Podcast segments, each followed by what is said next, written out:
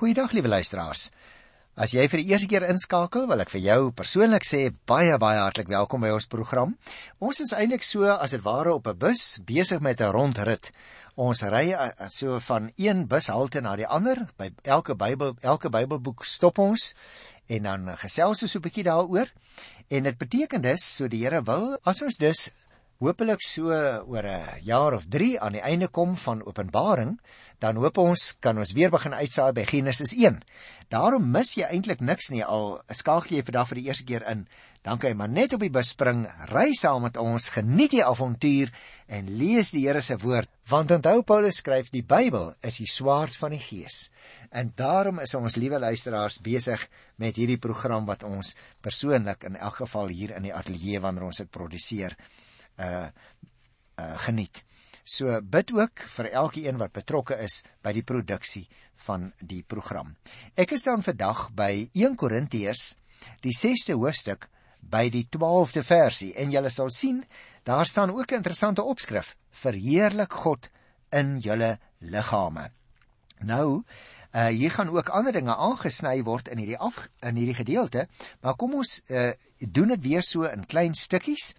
Ons sny hom as dit ware op en ons eet hom so stukkie vir stukkie dan is dit baie maklik.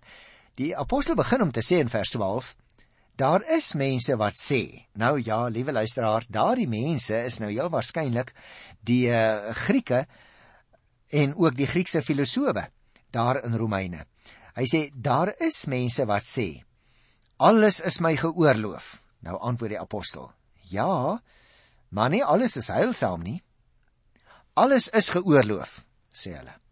Nou antwoord hy weer: "Ja, maar ek gaan my nie deur enige iets laat verslaaf nie." Nou dis 'n baie interessante versie want dit wil voorkom asof die kerk die stelling dat alles geoorloof is daar in Korinte heeltemal misbruik het. Sommige van die Christene in Korinte het hulle selfs op grond daarvan verontskuldig en byvoorbeeld gesê dat Christus alle sonde weggeneem het en hulle as gevolg daarvan vry is om te doen net wat hulle wil. Dit wil voorkom asof ander Christene daar in Korinte gesê het dat die dinge wat hulle doen nie uitdruklik in die skrif verbied word nie. Nou op albei hierdie argumente antwoord die apostel. Kom ek wys vir jou 'n paar van daardie fasette uit en dan gaan ons dit in groter detail ook bespreek. Naamlik hy voer aan nommer Al het Christus ons sondes weggeneem, is ons nie vry om dinge te doen as ons weet dat dit verkeerd is nie. Met ander woorde, ek kan nie maar sê, ag die Here het nou vir al my sonde betaal en nou kan ek al hierdie sonde nou maar doen want daar is mos nou klaar voor betaal. Liewe aarde luisteraar, dan beteken dit mos dat ek my verhouding met die Here Jesus nie baie ernstig neem nie want daar is tog baie sondes wat uitdruklik in die skrif verbied word. En om vry te wees beteken juis dat om in Christus ingeplant te wees. Daarom uh, kan 'n mens nie maar sê maar Christus vir my betaal en doen nou doen ek net wat ek wil nie. 'n Tweede aspek dink ek wat 'n mens in gedagte moet hou. Daar is dinge wat nie op sigself verkeerd is nie, maar wat nie tot ons voordeel is nie omdat ons lewens daardeur beheer kan word en ons so van God vervreemd raak. Met ander woorde, daar is dinge wat 'n mens as dit ware kan wegtrek van die Here af. Sien nou maar, kom ek noem 'n eenvoudige voorbeeld van van alkoholiese drank. Dit is nie op sigself sondig nie. Die Here Jesus het selfs een van die sakramente ingestel met drank. En daar is geen goeie bewys om te sê dat dit net vrugtesap was of druiwesap wat hy gebruik het nie, want jy onthou daar in Johannes 2 het die vriend van die bruidegom gekom en gesê, "Maar jy het eers die slegte wyn voorgesit, maar nou dat die mense goed gedrink het, nou die wyn van goeie gehalte." Met ander woorde, dit wil dus lyk asof die wyn wat hulle laaste gedrink het, dit is die water wat wyn geword het, dat dit wel van alkoholiese uh, aard was.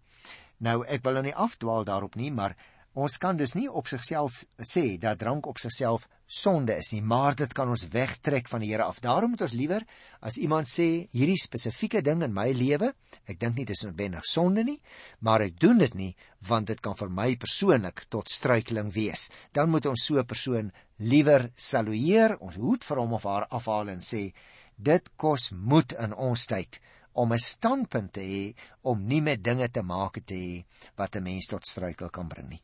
Maar ek dink daar's 'n derde argument wat in Paulus se mond hier na vore kom tot ons. Hy sê dat enige iets wat 'n ander seer maak en nie tot iemand anders se voordeel strek nie, is verkeerd. D dit blyk dus, liewe luisteraar, 'n Christen mag niks doen of 'n uh, iemand negatief behandel sodat daardie persoon as persoon seer kry nie. Ons wil mos die Here Jesus wat ons Heer en Heiland is. Ons wil hom verheerlik, ons wil van hom vertel, ons wil van hom getuig teenoor ander mense en daarom wil ons nie ander mense seermaak nie. Paulus het ook, dit is duidelik uit vers 12, goed te hore gekom van seksuele losbandigheid en dat dit met verskillende spreuke goed gepraat word. Met die eerste spreek byvoorbeeld waarna hier verwys in vers 12, alles is my geoorloof. Gee die Korintiërs van daardie tyd te kenne dat hulle in Christus vrygemaak is en dat hulle die vryheid dus kan uitleef net soos wat hulle wil, ook op seksuele gebied. Nou natuurlik. Paulus erken die vryheid van die gelowige. hy het baie geskryf oor Christelike vryheid, maar hy stel dit onderhewig aan beperkings, naamlik dat by elke daad vooraf vasgestel moet word of dit tot heil vir jouself is of dit tot opbou van die gemeente is en of dit tot eer van die Here is. En as daardie drie goed, is dit nommer 1 tot eer van die Here, is dit nommer 2 in belang van die naaste en nommer 3 is dit tot my eie opbou. As daardie ligte nie almal groen is nie, dan moet ek liewer die saak uh, wat ek wil aanpak of die ding wat ek wil doen net daar los. Nou luister nou na vers 13. Hulle sê ook kos is vir die maag en die maag vir kos. Goed, antwoord Paulus. Maar God sal die een sowel as die ander tot niet maak. 'n Mens se liggaam is nie bedoel vir seksuele losbandigheid nie, maar is daar vir die Here wat ook oor ons liggaam Here is. 'n Ander bekende Griekse opvatting het naamlik gelui dat 'n mens se gees belangrik is, maar dat jy met die liggaam kan doen wat jy wil. Nou sê die apostel nie dit werk nie so nie. Dis 'n verkeerde siening, want die liggaam huisves die gees en moet ook aan die Here toegewy wees. En dit is belangrik, liewe luisteraar, eintlik ken ons nie daardie dualistiese skeiding tussen liggaam en gees nie. Dis 'n Griekse skeiding wat hulle filosowe aangebring het. Dat dit dus eintlik twee losstaande entiteite uh, in 'n mens is. Die gees wat dan baie hoë waarde het en die liggaam wat geen waarde het nie.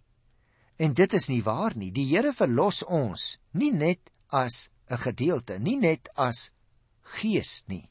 Die Here verlos ook ons liggame. Ons liggame bly byvoorbeeld die tempel van die Heilige Gees. Ons het dit behandel ook toe ons 1 Korinte 3 vers 16 gedoen het. Daarom is Paulus uh, se betoog baie eenvoudig. Vryheid van sonde en skuld is een van die kenmerke van die Christelike geloof, as ook die vryheid om enige iets wat van God afkom te gebruik en te geniet. Christene moet egter nie hierdie vryheid misbruik in hulle self of ander mense daardeur te nakom nie. Daarom moet ons onthou as ons hierdie 13de vers lees. Dis baie duidelik. Geen mens is gevry waar van die versoekings van seksuele oortredings nie. In rolprente en televisieprogramme word buiteegtelike seksuele verhoudings eintlik as die norm aan ons voorgehou.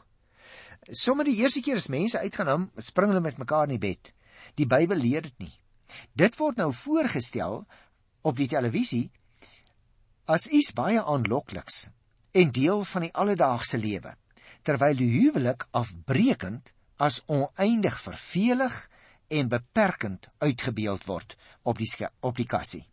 Ons loop natuurlik die gevaar, liewe luisteraar, om met minagting behandel te word as ander sou agterkom dat ons sedelike lewe reg en goed is. Want die wêreld oordeel anders oor dinge wat die Bybel hoog en heilig ag. Die Here verbied natuurlik nie seksuele sondes net om die lewe vir ons moeilik te maak nie, hoor. Hy weet dat die soort sondes in staat is om ons nie net liggaamlik nie, maar ook geestelik te vernietig. Ons mag nooit vergeet nie hoe verrykend die gevolge van seksuele sondes is nie. Lewens en gesinne word daardeur vernietig. Ja, selfs gemeenskappe en volke is al daardeur verpletter hoor. Die Here wil ons beskerm teen enige iets wat tot ons eie of ander mense se nadeel strek. En daarom verseker die Here ons dat hy voldoende is vir al ons begeertes en ook in ons eensaamheid. Die liggaam is in eerste opsig vir die Here en nie vir sinlose seksuele misbruik nie. Seksuele omgang, liewe luisteraar, buite die huwelik is nie aanvaarbaar omdat dit nou so natuurlik is nie, maar is juis sleg omdat die mens se geestelike welsyn daardeur aangetast word. Wat jy doen hang natuurlik ten nouste saam met wat jy is, naamlik wat jy in Jesus Christus geword het, 'n nuwe mens. En dit is vir ons baie belangrik om dit in gedagte te hou as Christus gelowiges. Maar kom ons kyk so 'n oombliekie na na hierdie ander spreek dan kos is vir die maag en die maag is vir kos in die 13de vers en dan lees ek sommer vers 14 daarmee saam God het deur sy krag die Here uit die dood opgewek en so sal hy ons ook opwek. Jy sien met hierdie spreek kos is vir die maag en maag is vir die kos word te kenne gegee deur die Grieke dat jou ete bloot 'n natuurlike behoefte is en dat dit geen morele implikasies het nie. Die Korintiërs het ook nog 'n derde spreek gehad. Die liggaam is verhoreer. Nou hiervolgens sou seksuele omgang ook buite die huwelik 'n natuurlike saak wees sonder enige invloed op die geestelike lewe. Die liggaam is vir die seks. Volgens hulle lê eet en seksuele losbandigheid dus op dieselfde vlak. Nou hier teenoor, liewe luisteraar, stel Paulus dat die liggaam nie allereers daar is vir seksuele losbandigheid nie, maar vir die Here. En daarom sê hy, het God die Here Jesus nou natuurlik uit die dood opgewek en sal hy ook ons liggame opwek. Die liggaam het dus vir dier namaals betekenis. Ons glo per slot van sake aan die opstanding van die liggaam uit die dood. Wat dus 'n aanduiding is ook vir die Here is nie net die mense siel nie, maar ook sy liggaam baie belangrik. Per slot van sake het hy het die Here dit vir ons ook gegee. Daarom is dit vir ons ook belangrik. Kom ons lees nou hier by 1 Korintiërs die 6ste hoofstuk vers 15 tot 17. Weet julle nie dat julle liggaam deel is van Christus nie? Sal ek nou 'n deel van Christus neem en dit 'n deel van 'n ontugtige vrou maak? Beslis nie. Of weet julle nie dat iemand wat met 'n ontugtige vrou omgang het, liggaamlik met haar een is nie?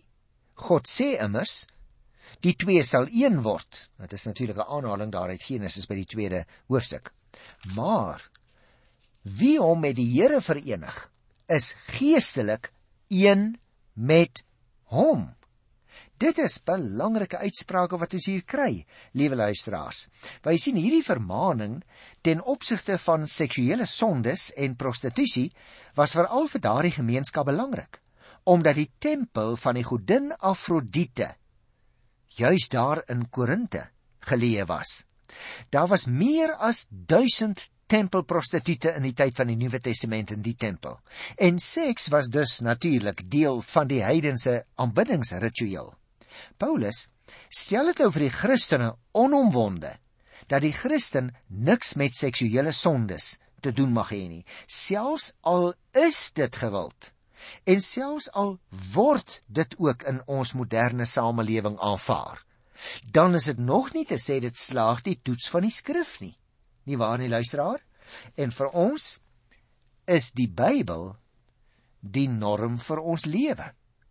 As iets daar buitekant of hier in die ateljee of waar jy en ek ook al is, op ons weg kom wat in stryd is met wat die Bybel sê, dan is ons nie veronderstel om daaraan deel te neem nie.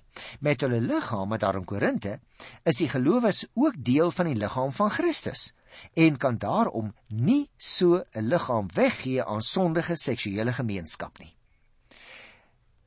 Verder dink ek luisteraar is dit uh, belangrik dat ons mekaar sal sê die gelowige en eintlik ook ons as gelowiges saam nê is die liggaam van die Here Jesus hier in die wêreld.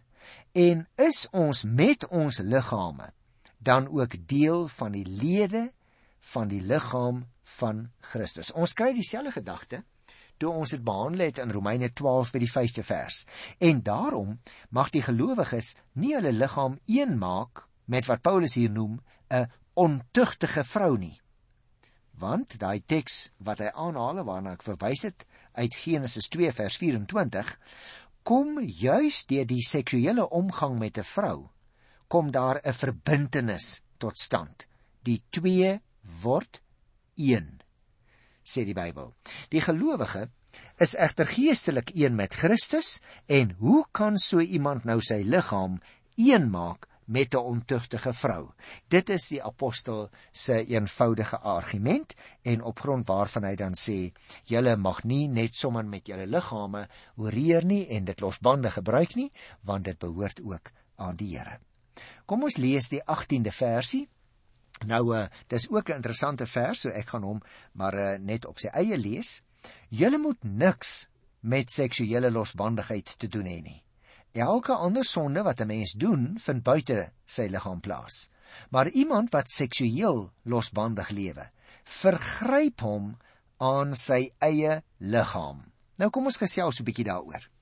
Jy sien, as Christene is jy en ek vry om ons volle potensiaal vir die Here te verwesenlik. Maar ons is nooit vry van God nie. Mag ek dit korter sê? Ons is vry vir God, maar ons is nie vry van God nie. En dan nie in 'n negatiewe sin, asof die Here nou die nare negatiewe paai boelie is wat ons net wil rondstoot nie.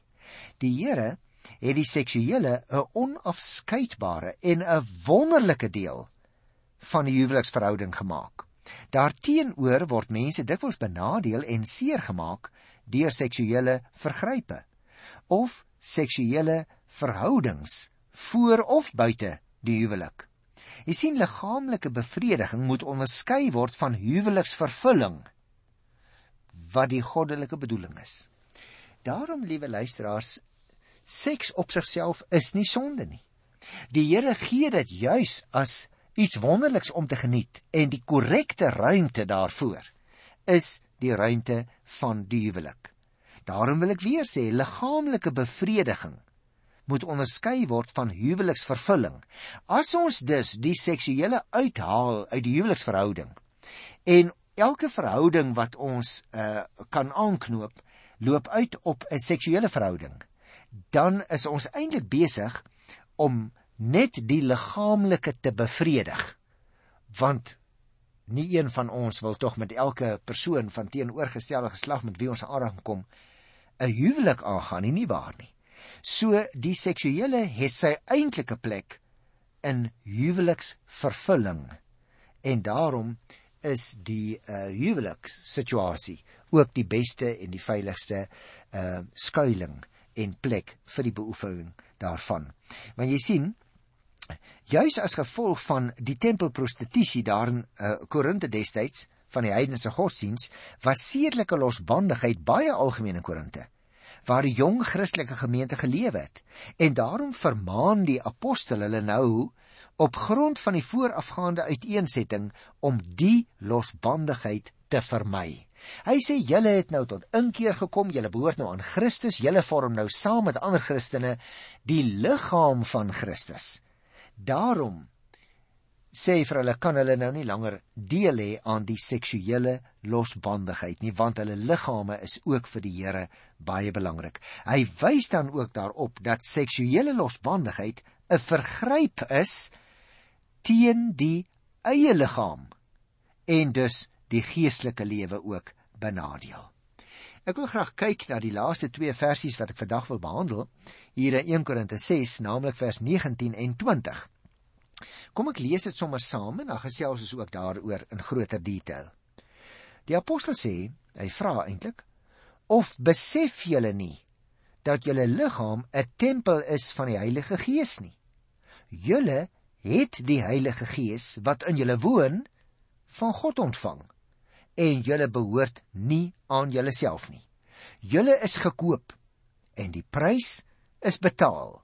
Julle moet God dus in julle liggame verheerlik. Ons liewe luisteraars as Christene is vry om ons volle potensiaal vir God te verwesenlik. Maar soos ek net nog sê, ons is nooit vry van God nie. As hy dus nou hier kom by vers 19 en 20 is die vraag dadelik: Wat bedoel Paulus nou as hy sê dat ons liggame aan God behoort? Nou natuurlik, daar is mense wat sê dat hulle met hulle liggame kan doen wat hulle wil omdat dit aan hulle behoort. Nou dit is presies die ding wat die Grieke aangevoer het in hulle filosofiese denke wat daar in Korinte gewoon het. Hulle sê maar maar my liggaam behoort aan my. Hulle het gedink dat hulle vry is, maar in werklikheid het hulle slawe geword van hulle eie begeertes. En jy sien dit is vandag ook nog so. As 'n mens uitgaan van die aanname my liggaam behoort aan my, dan is die volgende stap baie maklik om te sê dan kan ek doen met my liggaam wat ek wil. Uiteindelik kan ek selfs my liggaam aanbid. Ek versorg my liggaam. Ek ek vertroetel my liggaam. Ek hang alles wat ek het aan my bas op. Ek verf my gesig op so 'n manier dat ek uh, eintlik soos 'n kersboom lyk. Maar in werklikheid gaan dit oor my eie begeertes. Wanneer mense 'n Christen word, liewe luisteraar, word jy met die Heilige Gees vervul. Kom woon God in jou en in my. En daarom behoort ons liggaam ook aan die Here. As 'n mens in 'n gebou woon, as ek nou 'n voorbeeld kan gebruik.